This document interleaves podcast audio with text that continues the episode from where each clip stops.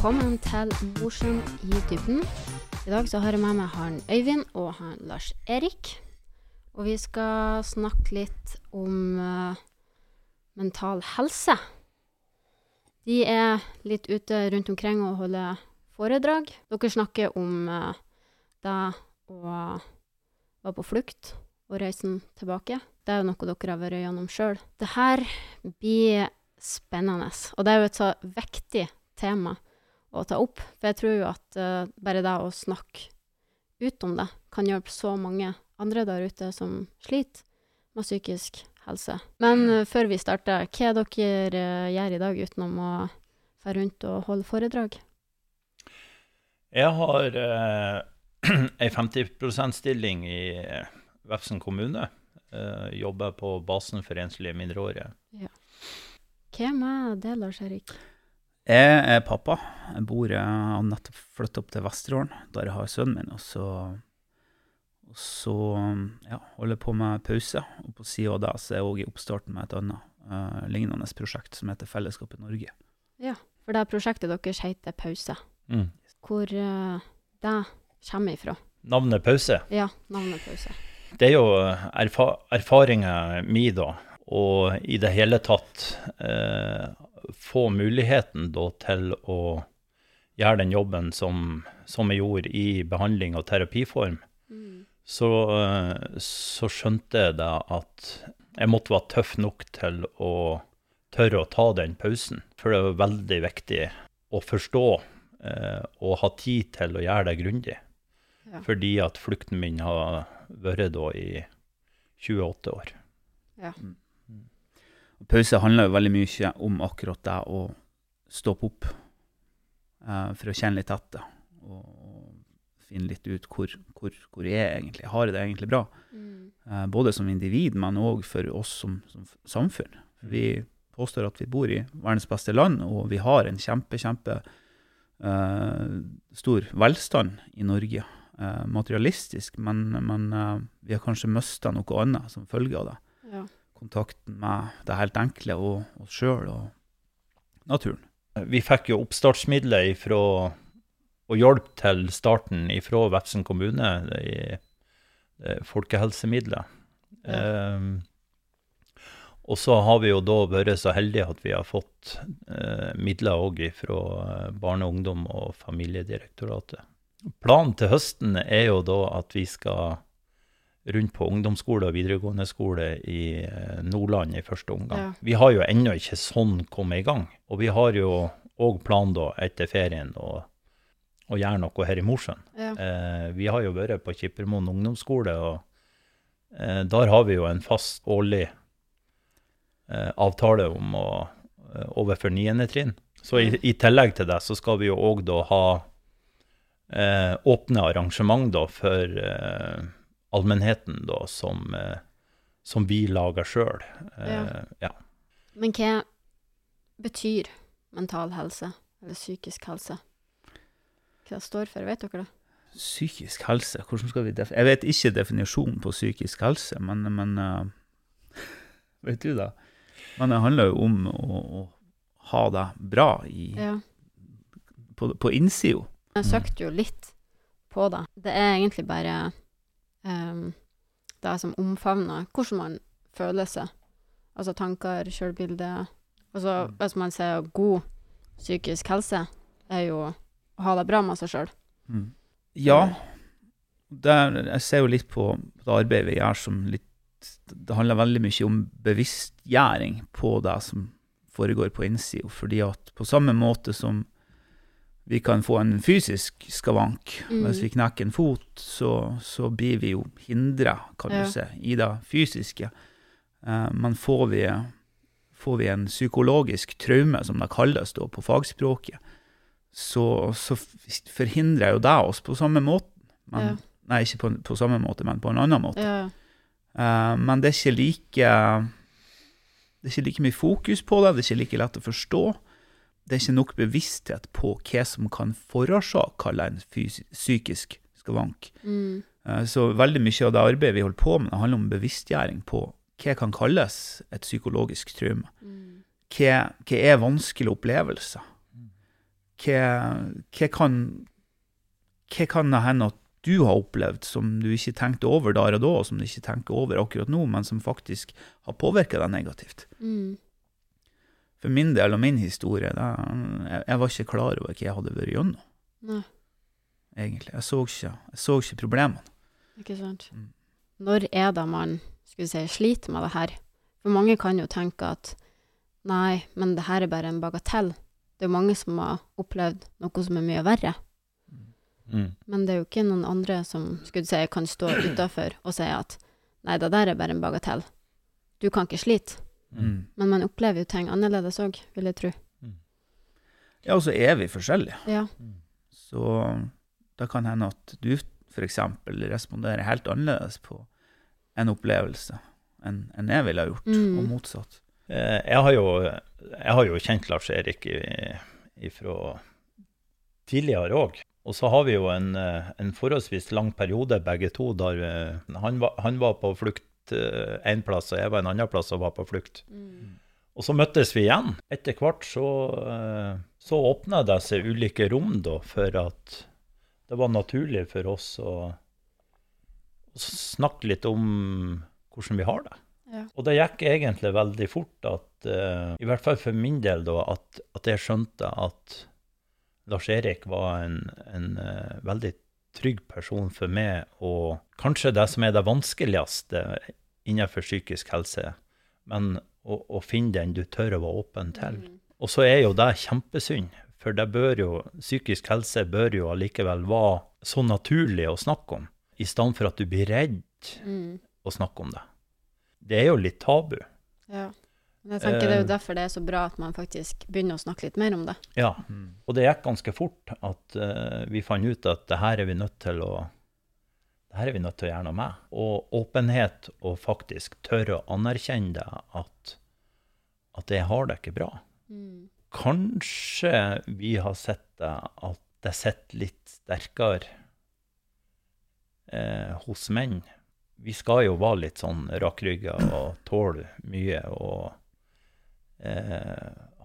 skjer, skjer det noe som ikke er optimalt, så skal vi bare legge det bak i en skuff, og så skal vi dundre på videre. Det smitter jo. Hvis noen begynner, så er det kanskje noen som ser at det går an. Mm. Det er lov, skulle jeg si. Så da er det kanskje lettere for de andre å, å åpne seg om ting. Ja, det handler For meg så handler det veldig mye om det trygge rommet. Ja. Um, og Øyvind nevnte at altså, han opplevde, og vi opplevde, det var gjensidig, at vi opplevde at her, her er det takhøyde. Mm. Når jeg treffer Øyvind, når Øyvind treffer meg, så er det, det er rom for å gå litt dypt. Det er rom for å være sårbar. Um, og det er jo det hele pauseprosjektet er, um, har i bunn, da. Mm. Det er jo den, den tryggheten og den åpenheten og den forståelsen vi begynner å få for hverandre. Ja. At oppstår det problemer, så kan vi sette oss ned og prate om det. Så kan vi bare være ærlige og åpne. Sånn, sånn er det. Mm. Eh, og på samme måte så, så tror, tror vi at veldig mye av løsninga handler om å lage sånne trygge rom Ja. ute i samfunnet, der det er takhøyde og trygt å prate om ting. Mm. På samme måte som hvis du går til en psykolog i say, over en femårsperiode, så er det jo nettopp på grunn av at du kommer til å bli tryggere og tryggere og tryggere. Det er større og større rom og potensial for å gå Ja. helt ned i dybden. Og det, det tror jeg gjelder på samme måte mellom oss, oss mennesker. Mm.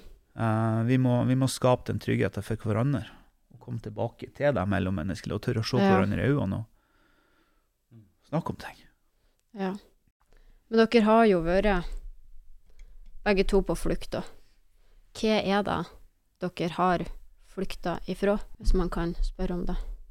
Ja, Er det Eh. noe dere forteller på når dere har eh, foredrag. ja. Mm. Er det noe dere forteller der?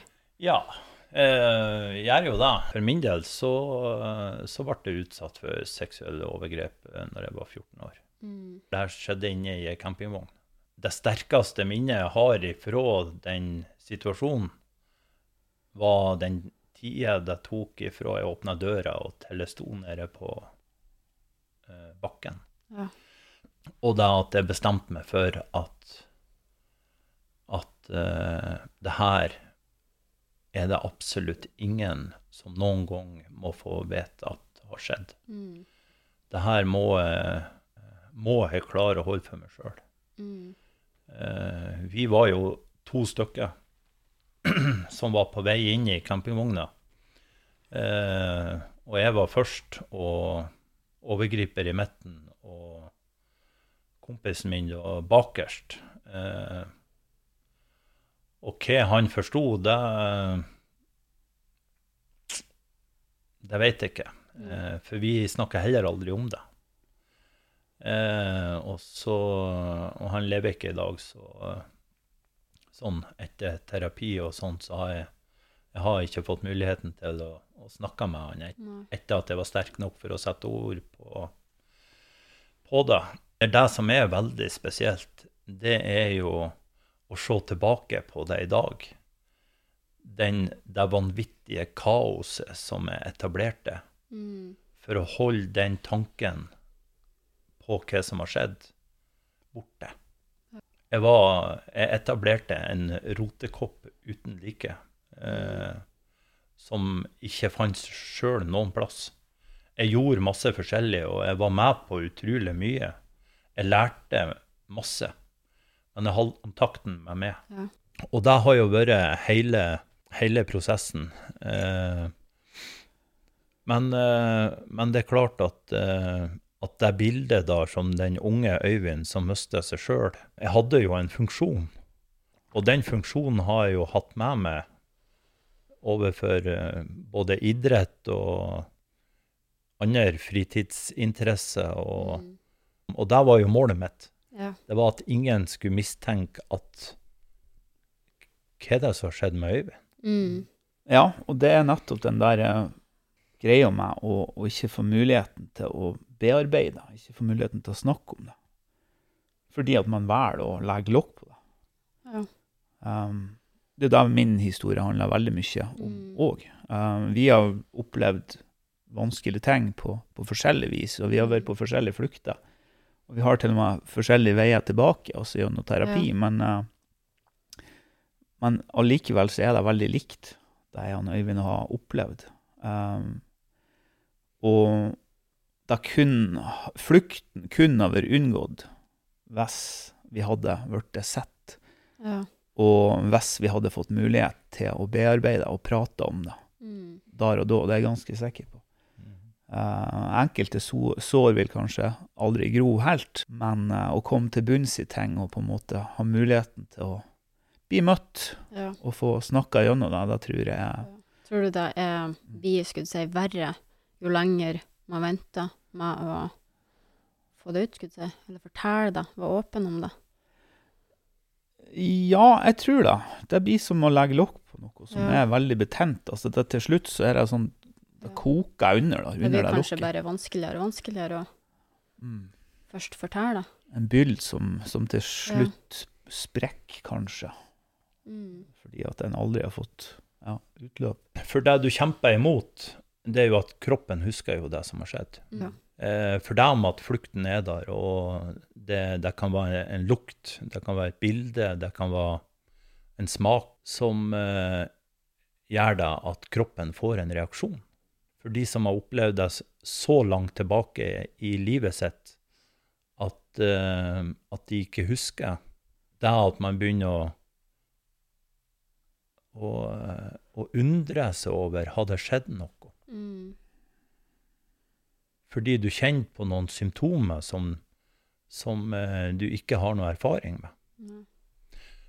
Og for min del er hver gang jeg ble eh, trigga og påminnet, så, så kjente jeg på en voldsom angst.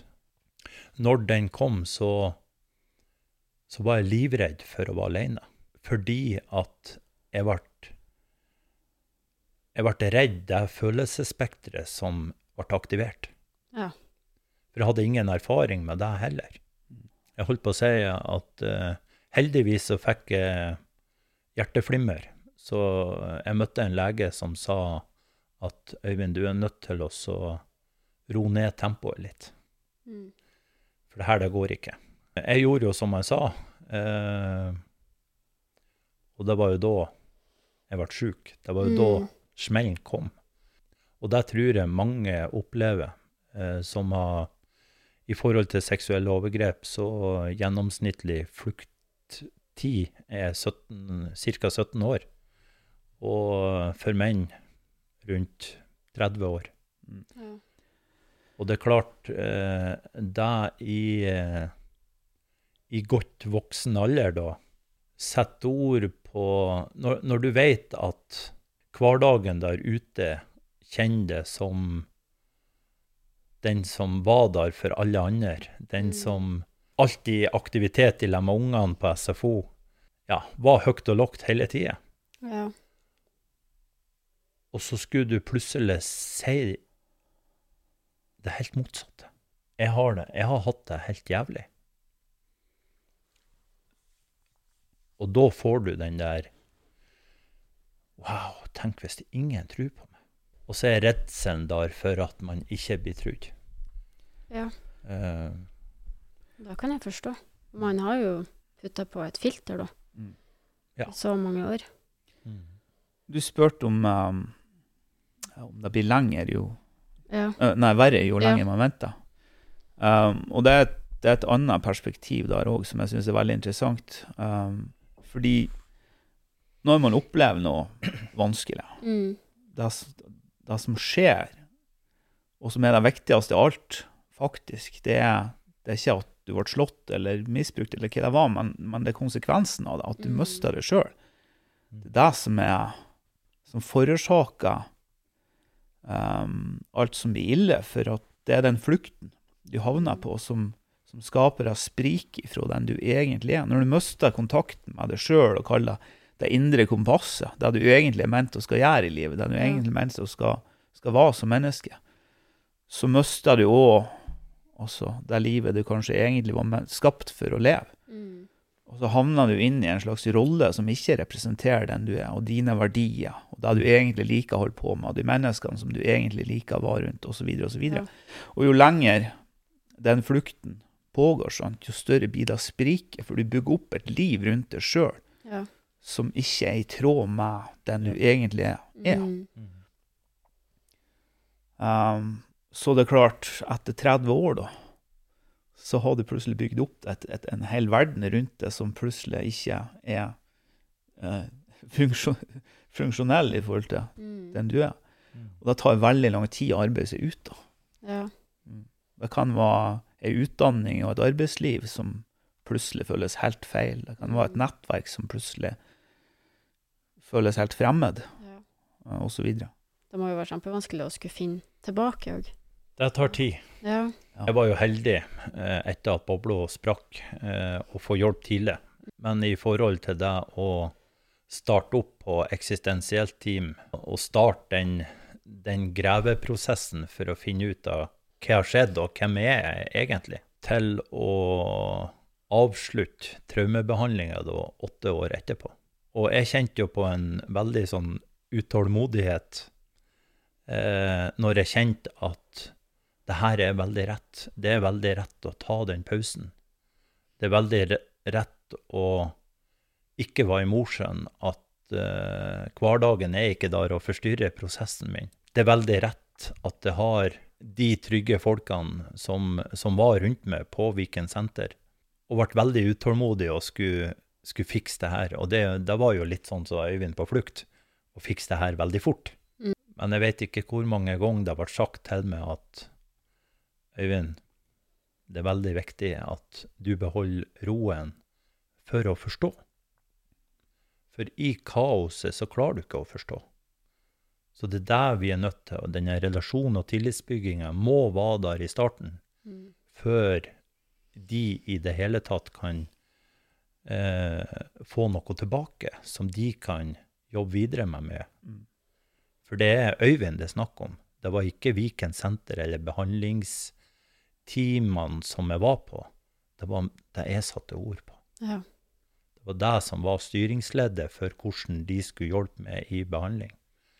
Og derfor er det sånn som Lars Erik sa i stad, at eh, når terapien starter, er forskjellig fra person til person, Ja. Fordi at man må jobbe med relasjon og tillit eh, først. Begge to er jo fra Mosjøen. Mm. Hvordan er det å stå fram i en så liten by og være åpen? Jeg har jo kjent på en utrolig dårlig samvittighet og en veldig skyldfølelse, og vært skikkelig forbanna på Øyvind for at jeg ikke hadde gjort det mye tidligere. Ikke det å være åpen, men å anerkjenne at jeg trengte hjelp. Ja. Den første jeg var åpen til, eh, var Eva, da, min kone. Mm. Da ble jeg egentlig bare slengt ut tidlig en morgen. Eva, jeg må, jeg må si det noe som, eh, som er veldig viktig, Mm. eh, og at jeg var utsatt for overgrep. Og så for jeg på arbeid. Det var bare noe jeg slengte ut. Ja, dere satt liksom ikke en Dere satt dere ikke ned og begynte å prate om det? Nei, ikke i det hele tatt. Så, eh, og jeg tror det er litt sånn det kan være. Jeg var jo åpen første gang i Mosjøen, på Torvet.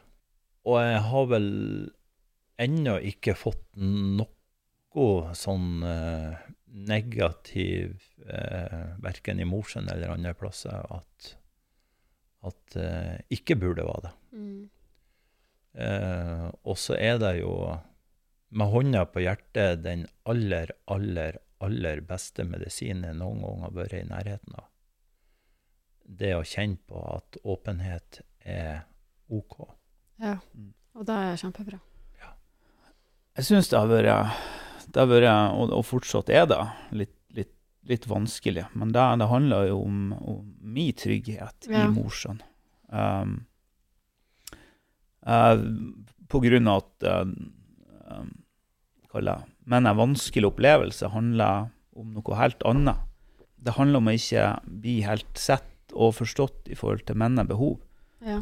um, som liten. Og så handler det om at uh, ja, de vanskelige opplevelsene jeg hadde når jeg var liten, med det å ikke bli sett og forstått, um, det vært veldig forverra av mobbing, Mm. plaging. Uh, jeg ble veldig, veldig Jeg følte meg egentlig aldri trygg. Um, verken i barnehagen eller på barneskolen, i mange tilfeller. Eh, og i hvert fall ikke på ungdomsskolen. Nei. Ungdomsskolen eh, det var de absolutt verste årene av livet mitt, sånn sett, på av mobbing. Mm. Um, og når jeg kommer tilbake til Mosjøen, så det kan være litt vanskelig fordi at det er i det miljøet og i, på de plassene der ting skjedde, som var Ja. veldig vanskelig. Um, men det er òg her man har vært på flukt og vært en helt annen type person enn den man egentlig er. Ikke sant? Så når man kommer tilbake hit og Jeg for herifra. Jeg, jeg fant ut plutselig at shit, jeg, jeg har noe musikalsk inni meg. Jeg har lyst til å Mm. utvikle det, men jeg turte ikke gjøre det i Mosjøen. For jeg turte ikke bli synlig. Jeg turte ikke gå i en egen retning. Det ble veldig skummelt for meg, for jeg visste ikke hvordan det kom til å bli Ja. mottatt. Så du har på en måte bare vært litt sånn i skyggen?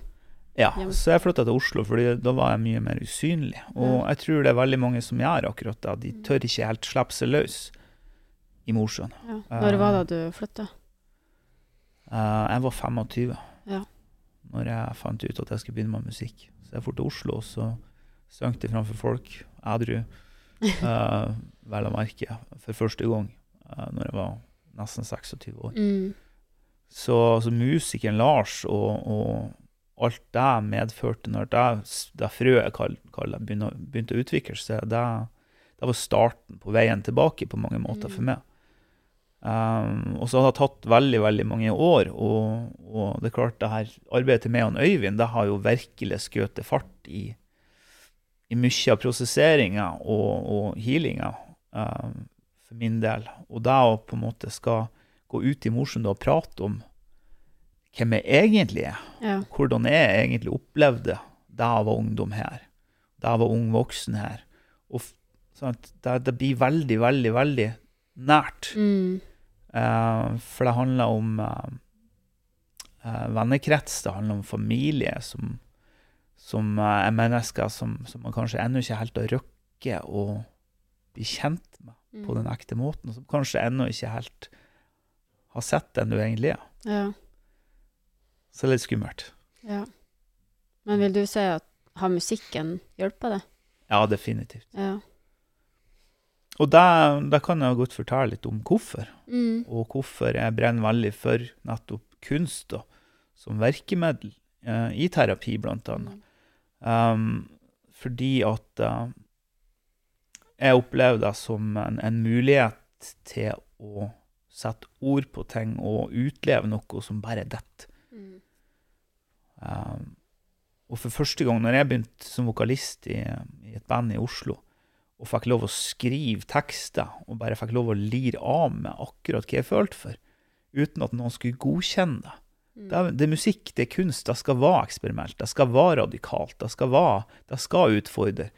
Det skal ikke være politisk korrekt. Mm. Så når jeg, når jeg virkelig fikk fart på, på de kunstneriske evnene da, i å uttrykke meg sjøl, så, så ble det ganske eksplosivt. Og det leda til en helt annen forståelse av meg sjøl. Mm. Mm. Ja.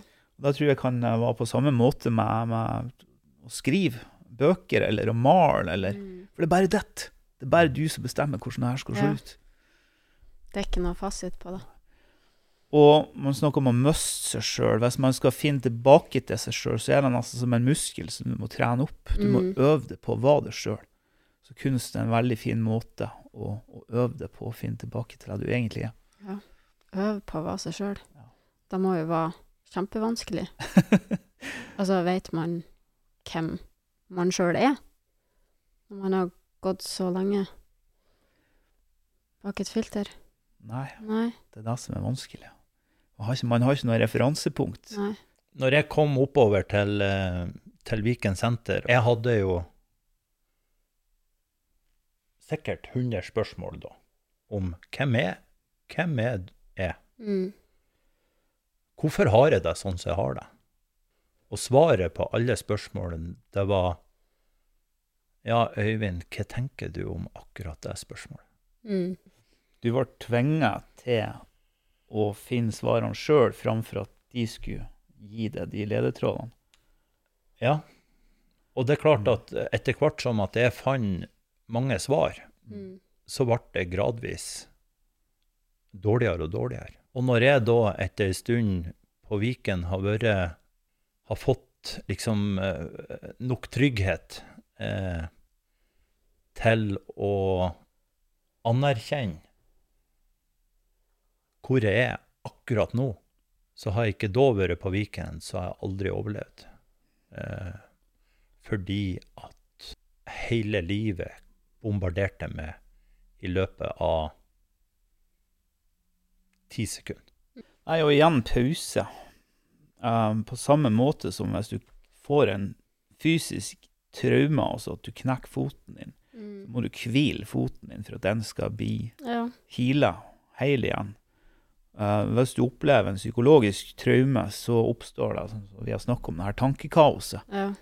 Og veldig mye av løsninga for å komme tilbake til, til at du har det bra, handler om å gi deg sjøl pausen, sånn Mm. at det her får roa seg ned og forsvunnet. Men så trenger man jo òg hjelp da, til å sette ting i systemet igjen. Mm. Jeg liker å se på altså det sjøl. Hvem er du? du um, det bildet jeg har i hodet, det er det her indre kompasset som du mister kontakt med, helt eller delvis, pga. noe vanskelig.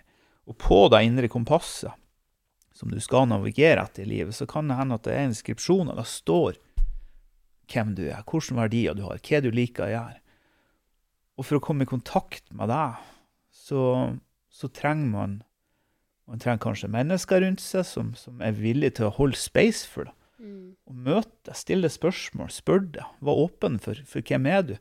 Men du må kanskje òg gi deg sjøl det rommet Ja. til å gå dypt og finne ut hva, hva som ligger bak det jeg holder på med egentlig akkurat nå. Hvis, hvis, hvis jeg har gjort noe, helt banalt eksempel, hvis jeg har gjort noe skikkelig slemt, Mm. Så kan jeg stille meg sjøl enkle spørsmål. På indre kompasset mitt står det at jeg er snill eller slem. Jeg, nei, jeg er snill. Ja, hvorfor har jeg gjort noe dumt nå, da? Jo, fordi at jeg er frustrert. OK, ja, hvorfor er jeg frustrert? Nei, jeg fikk ikke sove i natt og jeg er skikkelig sur og utsliten. OK, hvorfor fikk jeg ikke sove? Nei, jeg lå og tenkte på et eller annet. Det var et eller annet som plaga meg. OK, gå videre, gå videre, gå videre. Kom til bunns i hva det egentlig handler om. Mm. Da trenger du rom. Ja. Du trenger hjelp òg, kanskje. Og Ja. tid. Og tid. Mm. Og det har man ikke tid til i det klassiske samfunnet vi lever i. Det er Det er ikke det. bygd for at vi skal ha tid til å gå dypt. Når jeg kom hjem fra Viken senter, så, og da har vi vært, vært samboere i åtte år, Ja. så sa jeg det til henne at vi er nødt til å bli kjent på nytt, men med helt andre forutsetninger. Vi måtte egentlig lære oss det. Hvordan i all verden skulle vi eh, bli kjent på nytt? Vi Ja. har jo blitt kjent, men liksom Hvordan er man det om igjen? Og heldigvis, da, eh, så dro vi oppover på Viken da, i, som familie. Mm. For vi var faktisk nødt til å lære oss det. Eh, og hvordan kommunisere om det som er vanskelig. Tror alle skulle hatt sånn lite kurs i kommunikasjon. Jeg liker ikke å kalle kona mi et redskap, men uh, Men uh, Nå er jeg spent. det handler altså et, om å etablere en verktøykasse å ha å ta Mm. når du blir trigget, eh, når du kjenner på at du ikke har helt sånn gode dager, i stedet for å igjen da begynner å lukte inne. Mm. Det er veldig, god, veldig mye god terapi hjemme. Men tror du at det hjelper å snakke høyt til seg sjøl? Hvis det er noe man kanskje syns er kjipt eller sli, sliter med, så Jeg tenker kanskje det er steget før du forteller, forteller med noen andre. Det du sliter med å snakke med seg sjøl høyt. Sette ord på ting. Mm. I stedet for å bare gå og tenke på det. Mm. Mm. For det er jo noe med det å si ting høyt. Mm. Mm. Ikke nødvendigvis for noen, men seg sjøl. Absolutt. Ja. Jeg tror det er kjempeviktig ja. Mm. uh, å si det høyt, eller skrive det ned, eller hvordan du enn ja. har lyst til å gjøre det. Men ja, kjempebra. Jeg ser på det som en sånn, et steg på veien i å trene opp denne muskelen til å bli trygg nok, Ja. bli sterk nok i det sjøl til å først se deg, Mm. Få øyekontakt med det du har opplevd. Si det. Og kanskje etter hvert å ha, få, altså ta steget at man Ja. tør å fortelle til noen. tenker jo at jo flere ganger kanskje du sier det til deg sjøl, Mm. jo lettere er det å si det ute. Det som oppleves for oss som veldig viktig med det vi formidler, Mm. det er det er den forståelsen som vi, som vi håper å bidra til, gjennom at kanskje vi alle har opplevd vanskelige ting. Ja. Uh, men alle oss husker ikke hva vi har opplevd nødvendigvis. Mm. Og veldig mange av oss innser ikke alvorlighetsgraden i det vi har opplevd. Det er ikke alle oss som er klar over at det vi har vært gjennom, kvalifiserer til å bli kalt en traume, og faktisk Mm. kan føre til, noe, ført til en flukt. Da. Men det første man kan gjøre eh, i seg sjøl, hvis man tror at man har opplevd noe vanskelig, det er å legge litt merke til hva man gjør, og finne ut om man er på flukt eller ikke. For flukten Ja. er veldig lett å legge merke til. Hvis man forstår hva avhengighet og flukt egentlig handler om, så kan Mm. man se på seg sjøl og legge merke til hva man gjør. Hvorfor sitter jeg tolv timer framfor en skjerm hver dag? Ja. Hvorfor klarer jeg aldri å legge ifra meg telefonen? Flukt er avhengighet òg, på en måte. Ja, for Mm. meg er det veldig likt. Og Ja. vi, bruker, vi bruker Som bakteppe så bruker vi veldig mye arbeid til en kjent psykolog som heter Gabor Maté. Mm. Og han forklarer avhengighet som noe du kjenner du, du må bare gjøre det. Og hvis du gjør det, så vet du det at det kommer til å få negative konsekvenser på et eller annet vis. Men til tross for det, så klarer du ikke å la være å fortsette. Mm. Og det kan handle om hva som helst.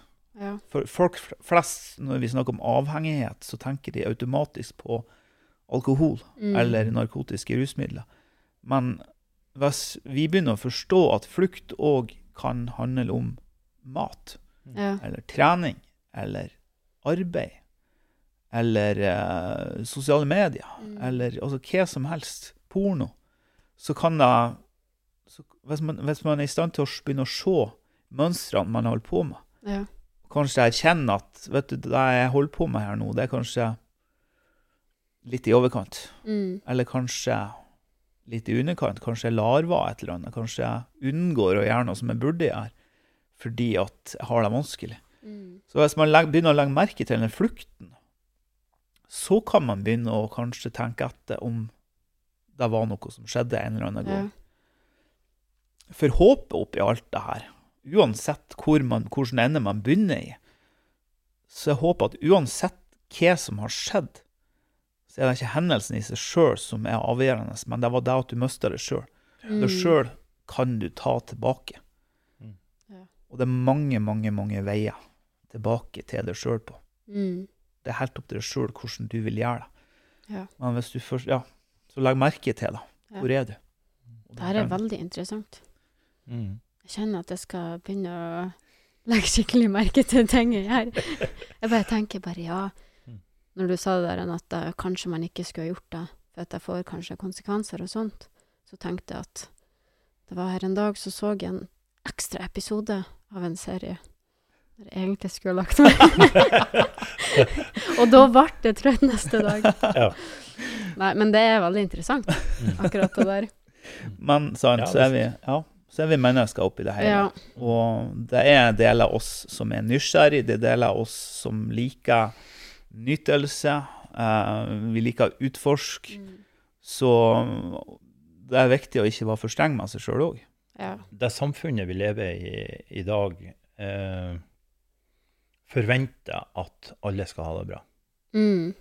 Hvis du ikke har det bra, av en eller annen årsak, kanskje kan det være bare en bagatell, Mm.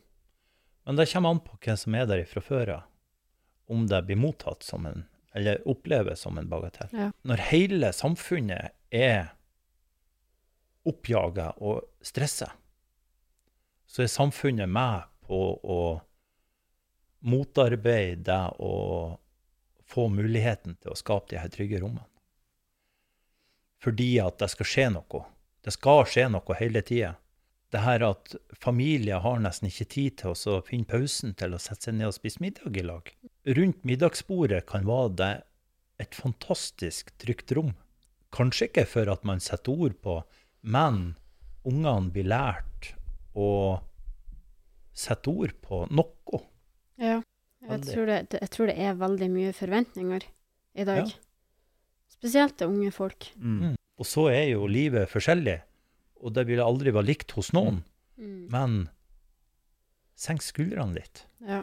Og der er så utrolig viktig å forstå det du poengterer der. Det med de forventningene. For det kan skape nok grunnlag til at man begynner å miste seg sjøl litt. Hvis det er en Ja. unge som føler at jeg er nødt til å prestere her Mm. for å bli godtatt, f.eks. av lærer eller av foreldrene sine. Hvis ikke du innfrir de kravene vi har til det, så blir det ikke noe belønning. Mm. Da blir det ikke noe nærhet. Man plutselig opplever en avstand til foreldrene sine fysisk fordi at de er sinte fordi at du har ikke levert i forhold til deres Ja. forventninger. Hva skjer med den ungen da? Han lærer deg at ok, hvis ikke jeg tilpasser meg etter de her kravene her, så er ikke jeg bra nok. Og for å tilpasse de kravene, da, så er jeg nødt til å faktisk legge lokk på den jeg egentlig er, som en unge. Mm. Jeg er nødt til å leke minner. Jeg er nødt til å kanskje Ja, kan være hva som helst. Og det er ikke noe vi er veldig bevisst på som samfunn, og særdeles lite som unger. Vi ser Mm. ikke, vi legger ikke merke til at det her skjer. Unger er helt avhengig av den responsen de får fra de voksne? Ja. som guider. Så hvis det da skjer med en åtteåring eller en tiåring, så kan fort det bli et mønster som følger den ungen resten av livet Mm. fordi at det er tillært som rett å legge lokk på den egentlige. Så jeg, jeg tror det er generelt vanskeligere å vokse opp i dag enn før i tida. Når for eksempel jeg vokste opp. Mm. Det er i hvert fall flere ting som er der og forstyrrer det i Mm. oppveksten. Likevel, hvis at forventningene og samfunnet endres i en takt som kroppen ikke henger med i, så blir det en skjevfordeling der eh, for noen. Mm. Og de noen, det er de som blir omtalt som ramler ut av samfunnet. Mm. Altså forventningene er så store at wow, jeg tør ikke lenger å være meg sjøl. Jeg er nødt til å gå ut av et skall og så var han noe helt noe annet. Mm. Og jeg leste en artikkel som var skrevet i eh, Mental Helse sitt tidsskrift, som heter eh, Sinn og samfunn. Unge gutter og eh, unge menn som, i forhold til selvmordsstatistikk. Om det var om det var elleve gutter da som Der det har vært snakka med eh, pårørende, og at jeg var òg lest noen brev som de hadde skrevet i, før de tok livet sitt. Og konklusjonen i brevene, det var at de her guttene da følte at de ikke passer inn i samfunnet. Mm. Hvem er det som bestemmer det? Ja. Hvem er det? Man skal være nysgjerrig Mm. på hverandre. Det er lenge siden du har sett noen. Mm. Eller det er noen som prater normalt mye, plutselig begynner å bli litt sånn stille. Mm. Jeg føler ikke at man er så flink å spørre hverandre om hvordan går det med det. Har du det bra? Jeg føler at man kan si sånn der Hei, går det bra? Og så er det sånn Da forventer man jo at man skal si ja, går det bra med det? Mm. Ja. Hva om du sier nei?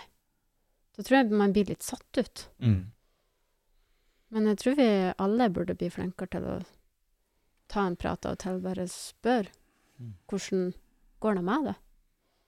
Det er veldig artig at du sier, fordi at det siste året jeg hadde eh, før altså, Jeg vil si det siste året før jeg begynte å gjøre noe med meg sjøl. Mm. Siste året der jeg virkelig var på flukt. Det var det året der jeg begynte å kjenne på alt kaoset innvendig. Mm. Når jeg begynte, når jeg begynte å bli pressa opp et hjørne, da arbeidet jeg på et treningssenter, og jeg hadde daglig 40 kollegaer som jeg møtte. Og det var akkurat den der greia. Mm. Hver gang jeg møtte en kollega, som skjedde 50 ganger om dagen minst, så var det 'Hei, Lars, går det bra?' Mm. Jeg hadde ikke lyst til å si ja, for da løy jeg. Ja. Jeg ble bare mer og mer og mer og mer frustrert, Mm. fordi at jeg fikk spørsmålet hver gang. Men det var ingen som egentlig hadde lyst til å høre sannheten. Nei. Men er er det der en sånn typisk Oslo-greie? Hei, hvordan går det? Eller Ja, det er, det er mye av det der. Jeg tror Ja, det er mye av det tror jeg ikke det er så mye her. Jeg vet ikke. Det som i hvert fall er helt sikkert, er Hva det går? ja, Ja, nei, Spørs, det. det, det som er helt sikkert, altså, men det har vi i alle kulturer òg.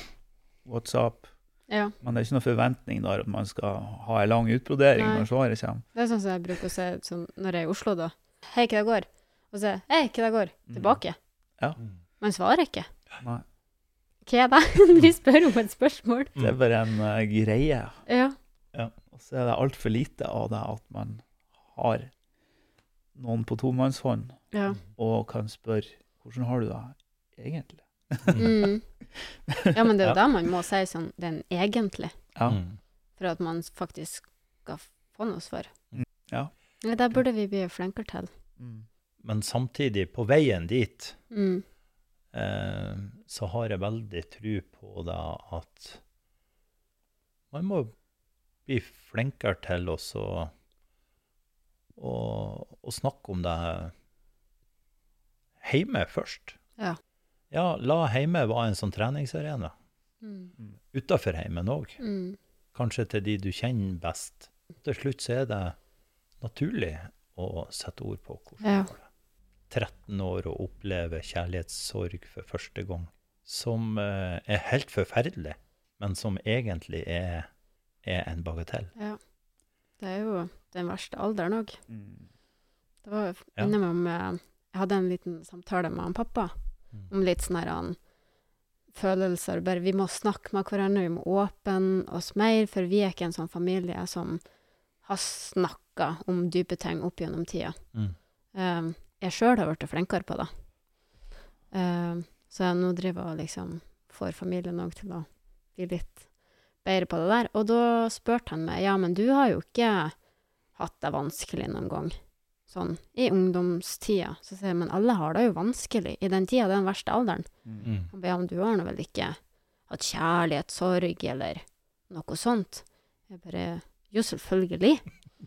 Men det er jo ikke sånn at jeg sprenger hjem og forteller det om det. Når jeg er 14 år, liksom. I hvert fall min familie har vært kjempedårlig å prate om ting. Ja, og det tror jeg Jeg tror det gjelder veldig mange familier. Ja. Og jeg tror det handler, ikke, det handler ikke om at noen er dårlige foreldre, eller at det er dårlige venner, men det er litt sånn det er litt den kulturen vi Ja. har hatt, og det er litt der vi har vokst opp. Men vi har ikke kommet lenger. Nei, det er Og, sant. og så, så er det derfor jeg ser, ser på det som så viktig nå at vi får etablert noen, noen trygge rom der ute. Mm. Fordi veldig van ofte så kan det være vanskelig å begynne på hjemmebane med de som er aller nærmest. Ja, Som du kanskje opplever at du ikke kan snakke med de tingene om. ja. Det er ikke noe forståelse der. Det er et eller annet som Nei. Man kan jo være Altså, min familie, vi er kjempenær, mm, Mm. men akkurat det der um, å snakke om følelser, mm, det gjør vi ikke. Men Og det å vise følelser overfor hverandre mm, Vi sier veldig sjelden sånn 'jeg er glad i det', mm, men vi viser det på andre måter. ja, Vi vet at vi alltid er der for hverandre. mm. Ja. Men det er ikke så mye klemming og de der tingene. Nei. Så det Nei. Nei, og det er veldig fint å klare å gjenkjenne kjærligheten man gir hverandre, sjøl om det ikke skjer på akkurat den måten Nei. du sjøl skulle ønske at det har gjort. Uh, for eksempel hvis man har en, en forelder som er vokst opp for 50 år siden, Mm. så vet man at på den tida så var det ikke så mye klemming. Nei. Kanskje enda mindre klemming da enn nå. Mm. Men, uh, men, uh, men uh, typisk um, det mennesket, uh, hvis kan si far min eksempel, som allikevel elsker å hjelpe meg med bilen, og mm. hele tida passer på at, at den er i orden, og, og fikser ting, Mm. så vet du at han gjør det fordi at han bryr seg, og det er Ja. hans måte å vise deg på. Mm. Ja, vi er alle forskjellige. Kan jeg spørre deg om en ting? Ja. Du sa at du, um, at du har blitt flinkere på å snakke om de Ja. tingene hjemme, blant annet. I lag med din familie, var det sånn å forstå? ja, egentlig generelt. Ja. Så det er noe du har, på en måte tar med deg noe inn i på en arena der det ikke har vært så mye av det fra før. Ja. Hvordan har du kommet dit? At, at det føles trygt? Jeg har jo alltid, skulle du si, uh, tørt å være meg sjøl. Jeg har alltid vært litt annerledes. Og stått for det, for jeg har ikke likt å uh, gå inn i mengden. Jeg liker å skille meg litt ut. Vi, er- jeg føler Av og til så bytter vi litt roller som Mm. foreldre Mm. og barn. Nå må vi komme med pekefingeren, og nå må du gjøre sånn og sånn og sånn. Mm. Uh, jeg vet ikke, jeg vil bare på en måte hjelpe, for det er jo mine nærmeste. Mm. De er jeg veldig glad i, så jeg vil hjelpe de på en måte videre i livet. Mm. Det høres ut som de at det er veldig fælt, men det har de jo ikke. Men bare det å sette ord på ting. Og så blir man kanskje irritert noen gang når uh, man ikke får noe ordentlig svar, Mm. eller hva de føler om visse ting. Mm. Så da må man bare trå til. Men er det det du, ja, er det det du sier at altså, Du snakker om at du, du alltid skilte litt ut, det er Mm. litt annerledes. Er det sånn at gjennom den mestringa av å stå i det sjøl og være trygg og få aksept og på en måte føle mestring til hva den du er, har, jeg vært medvirkende til å gi deg den tryggheten? Åh, det her er veldig spennende. Det er jo ikke ting som jeg egentlig har tenkt over. Altså, jeg gikk jo veien med dans, for Mm. eksempel. Eh, og det var ikke sånn at familien min sa 'ja, sats på dans'. Mm. De sa 'nei, ikke gjør det', Mm. fordi at det er et utrygt yrke. Mm. Eh, men uh, da har jeg funnet ut at nei, det her har jeg lyst til, nå skal jeg gjøre det. Mm. Så uansett hva andre har sagt, så har jeg bare tenkt ikke kjør på det, jeg går min vei. Mm. Det har funka. Og så har jeg bare kjørt på videre på samme måte. At, Mm. uh, for jeg har funnet ut at har du en drøm, og du bare kjører på, så klarer du å nå den drømmen. Mm. Og det tror jeg alle kan gjøre akkurat det de har lyst til. De må Mm. bare gå all in, og så skiter man litt i de som står bak det eller rundt det. Og, for det er jo ditt liv. Mm. Det er jo ingen andre sitt. Det er du som skal leve, da. Så du stoler på deg sjøl nok til at du gjennomførte drømmen din. Mm. Og når du så at du klarte å gjennomføre den, så ga det deg kanskje òg så mye påfyll og så mye trygghet Ja, og anerkjennelse til deg sjøl. ja det tror jeg. Det krever ryggrad. Ja, det kan hende. Og det er jo sånn Jeg skulle til å si at eh, man, Nå går jeg tilbake til det med at familien min ikke er sånn følelsesfamilie, skulle jeg til å si. Eh, og hvis noen f.eks. Uh, i oppveksten min har sagt noe stygt til meg, så jeg enten kommet med en kommentar tilbake, eller ikke brydd meg. Og jeg, jeg bruker å si det at det er fordi at jeg ble mobba hjemme. Ikke mobba, men vi, vi erter hverandre. Mm. Og det er sånn vi viser Mm. kjærlighet til hverandre. Yeah. Jeg tror ikke hvis det er noen som kommer med kommentarer, eller på en måte prøver å trykke meg ned, så tar jeg det ikke til meg. Mm. Og da tror jeg er en fin egenskap. Mm. Ja, visst. det. Jeg kjører greia mi. Hei, hei. Ja. Var det svar på spørsmålet? Vel, ja, ja, ja, kjempebra. Men vi skal begynne å runde av nå, for nå har vi Snakka Ja. lenge. prata lenge. Det er vi Men- gode på. Ja. Det er vi kjempegode på. Men det er jo bra. Vi har en veldig, en veldig stor jobb framfor oss, eh, fordi at det på en måte er det, hvordan vi blir forma av samfunnet vi lever i. Mm. Det kan være noen eh, utfordringer i veien der, men hvis du tør å stresse ned, Mm. så finner du løsninger på de utfordringene. Og så er det generelt opp- og nedturer i livet, uansett man, hva man skal Ja. gjøre. Og så tenker jeg at alle de nedturene må man ha, og så lærer man så mye av det. Mm. Har dere noen siste råd til noen der ute, hvis det er noen som sliter med saker og ting, eller Begynn med det helt enkle. Ta Mm. det ene lille steget som føles trygt i retning av deg sjøl. Om det er et menneske som du vet du kan prate med, eller om det er å gjøre noen ting for deg sjøl som du vet at det, det kan du få til. Mm. Den mestringsfølelsen kan være nok til å gi deg styrke til å ta det neste steget igjen. Mm. Og den åpenheten kan gi deg nok kjærlighet og, og bli imøtekommet nok til at du tør å åpne deg enda mer. Finn deg det trygge første steget. Ja. Jeg kjenner jeg trenger et glass vann. Du kunne ha spurt før, da. det er lov å ta seg pause. ja, ikke sant? Ja, ja vi, det er jo lov å ta seg pause. Ja. Ja. ja. Mm. Men glemmer. eh, da Mm. sier jeg bare tusen takk for at dere tok dere tida til å komme og snakke om det her. Sjøl takk Sjøl for takk. at du fant tid. Ja. ja, nei, tusen takk. Jeg må, bare si at det er så viktig det dere gjør. Takk for det. Takk for det, Iso. Da sier vi bare på gjensyn. På gjensyn. Hei.